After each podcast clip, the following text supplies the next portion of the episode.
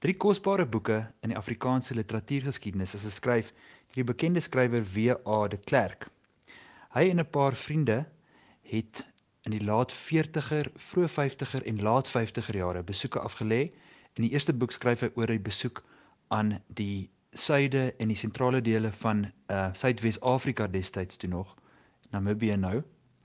In die tweede boek beskryf hy sy uh of hulle reise na die noorde van Namibië, Ovamboland soos hulle dit genoem het. En dan die derde boek ehm um, beskryf hy hulle reise na Angola op die spore van die Dorsland trekkers. Die Dorsland trekkers was 'n groep trekkers wat in die 18 vroeg 1880s 'n verskeie trekke weer 'n treklus gehad het en toe deur Botswana en Namibië getrek het na Angola en vir 50 jaar daar gebly het en uh, meeste van hulle het toe teruggekom maar net 'n paar etjies het oorgebly toe dinge verander het en hulle nie meer met die Portugese oor die weg gekom het nie. Die drie boeke van W.A. de Klerk se titels is Die swerwers in Suidwes, 'n swerwer op die voetpad en 'n swerwer Skus tog, is drie swerwers in Suidwes, drie swerwers oor die einders en 'n swerwer op die sonpad. Nou ek wil net uh twee interessante stukke lees uit van hierdie boeke. Aan die einde van die tweede boek Drie swerwers oor die einders waar hulle die noorde van Namibië, Ovamboland besoek het, het hulle met 'n Boesman man gepraat. En ehm uh, of baie mense sal sê San deesdae, maar daar is nog aanvegbarehede oor wat dit is, maar ja, hier praat hulle nog van 'n Boesman en hy het vir, vir, vir hulle toe vertel waar die maan vandaan kom. Nou die die opskrif hier is Nie die opskrif in die eerste deel van die paragraaf sê vertel vir ons 'n storie ou man van die bosvlaktes, vertel vir ons 'n storie. Toe vertel hy nou vir hulle van die legende van waar die maan vandaan kom. Hy het gesê: Die maan was nie altyd die maan nie. Die maan was eens 'n boesman, 'n baie lelike boesman met 'n plat, ronde gesig en sonder mond of neus of oë. Sy oë het hier onder sy onder op sy voete gesit. Geen mens op die ganse aarde wou hom aansien nie. Almal het hom net verstoot en hom van hul werwe afgejaag as hy daar aanland. Hy was bitter lelik, ja, maar tog hy het net soos ander mense gevoel en begeer. En dit kom toe so dat hy op 'n dag besef dat hy al lank nie meer 'n kind is nie, maar 'n man en tog geen vrou het nog, ekskuus, en tog geen vrou het nog ooit met welbehae na hom gekyk nie. Dit het hom baie treurig laat voel en hy het hom voorgenem om iets aan die saak te doen. Nee, erns moes hy vir hom 'n vrou gaan soek. 'n maat moes hy vind, iemand om sy vuur te versorg, om moepels en marulas en mispels en wilde pruim en wilde dadels bymekaar te maak terwyl hy uit op die jag is. Maar waar moes hy nou so iemand kry? Wie sou dan bereid wees om sy vrou te word? Op 'n dag hoor hy van 'n mooi meisie van 'n ander stam wat aan die kant die rivier woon. Kraai het hom gesê hy meen dat hy nog 'n kans daar het. Hy moet net gou speel en hy moet hom nie laat steur aan die mense se praatjies nie. Kraai het lekker gelag toe hy wegvlieg. Hy wist toe baie goed dat ou lelikert dit maar opdraan sou kry. Die boesman het tog volmoed na die werf van die mooi meisiekind geloop en met haar pa gepraat en gesê hy kom soek 'n vrou.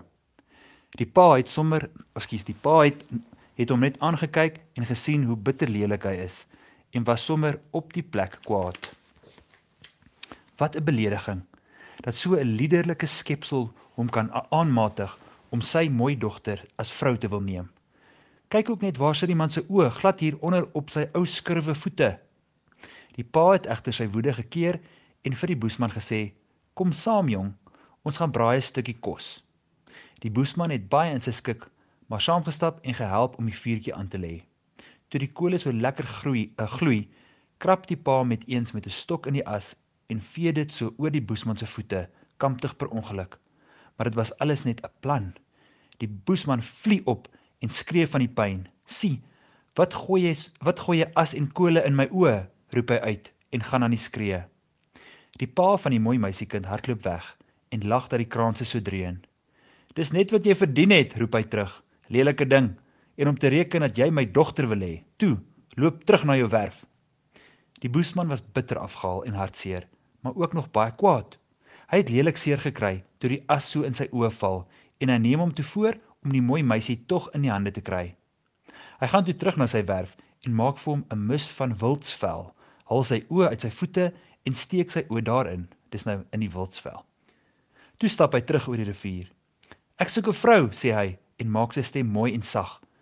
Die pa is toe net bly, want die man wat nou hier aangekom het, is heel aansienlik.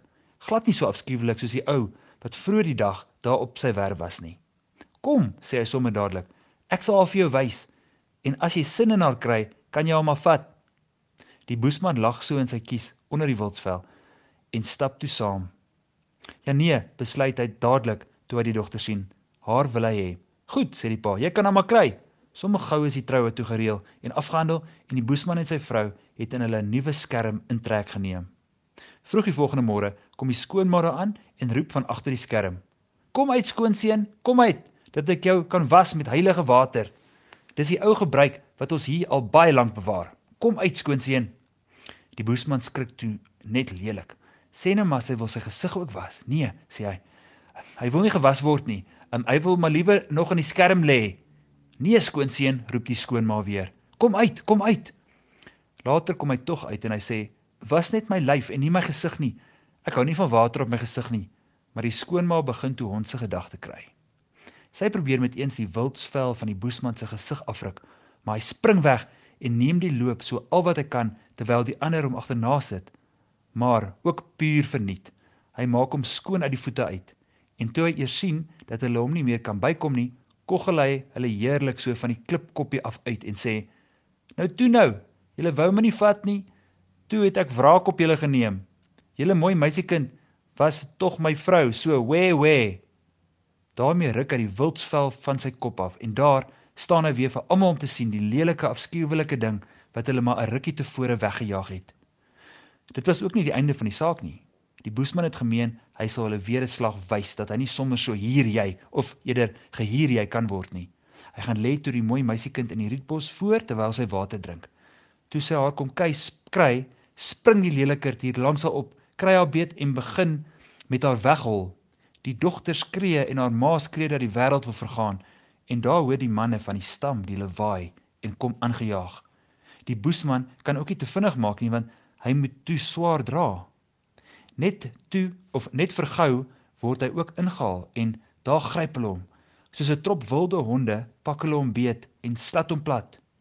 Een gryp 'n kierie en gee hom 'n vreeslike hou op sy groot ronde kop dat dit hoog in die lug intrek en raai toe ook nie meer wil afkom nie.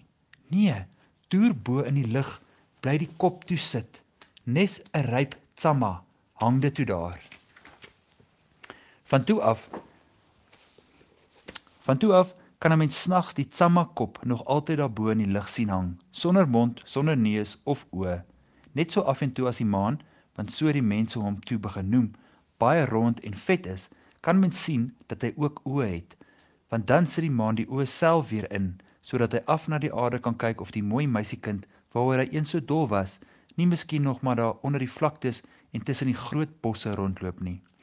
Dan verlang hy danig baie want ondanks alles wat hy of was hy tog baie lief vir die mooi meisiekind en is hy vandag nog bitter bitter hartseer oor alles.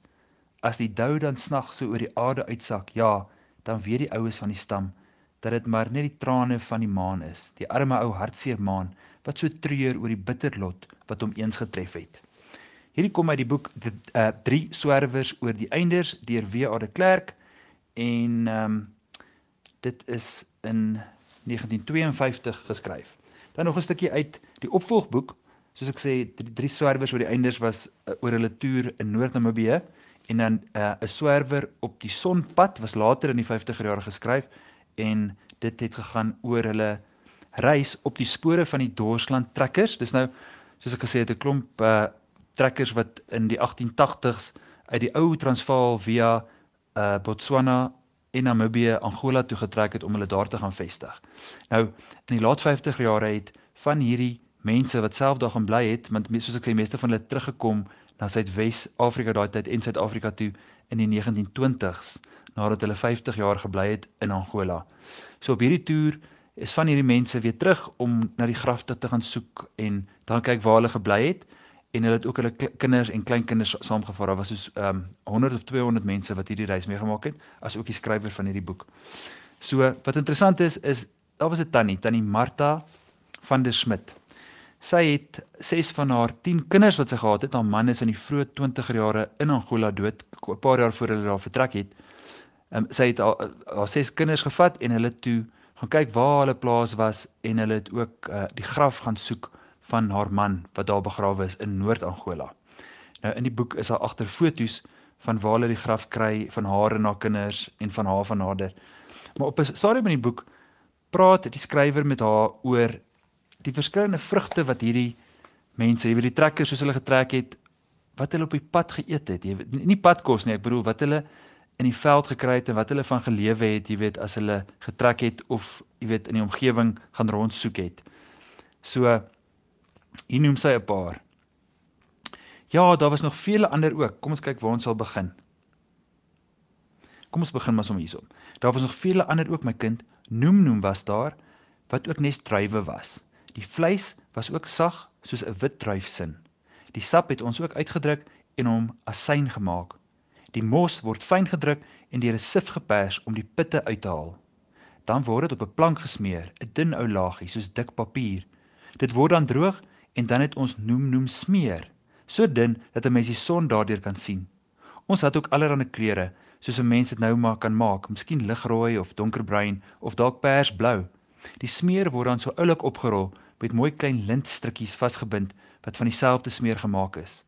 Spogkonfyt, ja, die kon mens van noem noem kook, grasgroen van kleur of donkerbruin, ook nog pers en goud goudgeel. Maar alger het so 'n suursoet smaak gehad. Ja, die swart volk het dit ook al te graag geëet, sommer so van die bos af, wat altyd so belaai was van die vrugte. Ja, daar was so baie dat tot die haal nie veel hulle om kon maak nie. Geel appeltjies was daar ook. Die het 'n geel vruggie so groot soos 'n hoendereier. Dit het aan 'n klein bossie gegroei wat so plat op die aarde rank, sommer so tussen die gras. Dit het ook nes 'n dik skil met pitte en stroop wat binne is. Lekker. Dit moet jy geproe het. En al brand die bossie met die gras soms af, groei hy sommer maklik weer. Ja, wilde druiwe het ook voorgekom. Nee, dit het nie soos wyndruiwe gelyk nie, maar sommer so op die grond aan 'n bossie gesit. Die trosse, soos druiwetrosse, het op die grond gelê. Dit was altoos heerlik soet.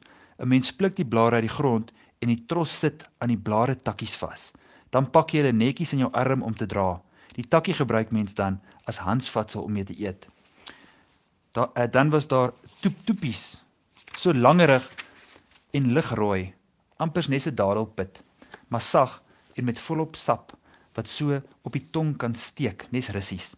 Dit was ook 'n altyd 'n lekker vrug en wilde pineappels wat ook so plat op die aarde was. Nee, dit was anders as die pineappel wat ons in die winkels koop. Dit moes mens groen afpluk en onder die grond begrawe om dan ryp te word. Wilde pruime, ken jy? Ek het net geknik, gewillig om haar aan die woord te laat, sê die skrywer. Sy gaan aan. Dis eintlik net die makke, net kleiner wilde pruime en so ook wilde liekwart en grys appeltjies, so groot soos 'n hoendereier met 'n groot harde pit en ja, ook grys van kleur. Die kos was maar dun hier om die pit en dit het so frank gesmaak. Binne in die pit sit ook 'n neut wat mens kan eet, nes 'n amandelpit. Die grys appelbome het sommer baie groot geword.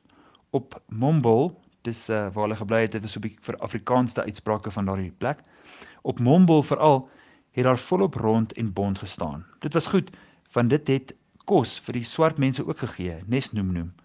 Daar was ook 'n platte wat op die grond soos 'n struik gegroei het. Ag my kind, so kan mens voortgaan en van allerlei goed vertel, soos moepels en mispels en jakkalsbessies en nastergal en munjanjis. Die groei ook so aan 'n groot ou boom. Die ken jy mos. Munjandi, munjandis. Daar was ook marulas nog en wilde perskes. Nee, hy is glad nie familie van die perske wat in die bode staan nie. Ek dink dis sommer maar 'n naam. Hy rank met sulke stywe ranke veral in die randjiesveld waar daar so baie rotse staan. Mense moet altyd klouter in die skere en goed mense moet altyd klouter in die skere en goed om hulle uit te haal. En dan sê die tannie ja, nou water jou mond seker vreeslik, nê? Net nog een is dit gepraat hier van 'n klapper. Ehm um, sy het die vrugte en goeders gesoek en sy het hier gepraat van 'n klapper wat soos lemoene hang. Ja, soos lemoene, maar sy dop is mos hard. Mens kraak hom soos 'n volstruiseier.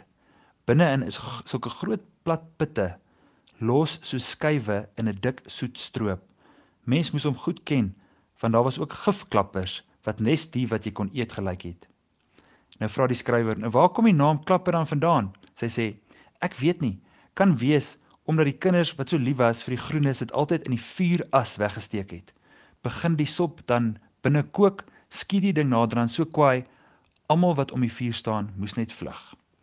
So dit is dan die Martha aan die woord uit die boek 'n swerwer op die sonpad deur W.A. de Klerk, maar soos ek sê, die ander twee boeke in die reeks is net so kosbaar en ehm um, dit gaan oor reise in Namibië, reise na Angola in die 40 en 50 jare en ook op die spoor van die Dorsland trekkers wat ook maar baie teëspoed teëgekom het op pad na hulle eindbestemming. En uh ja, nie die voortrekkers nie, maar 'n ander tipe trekker.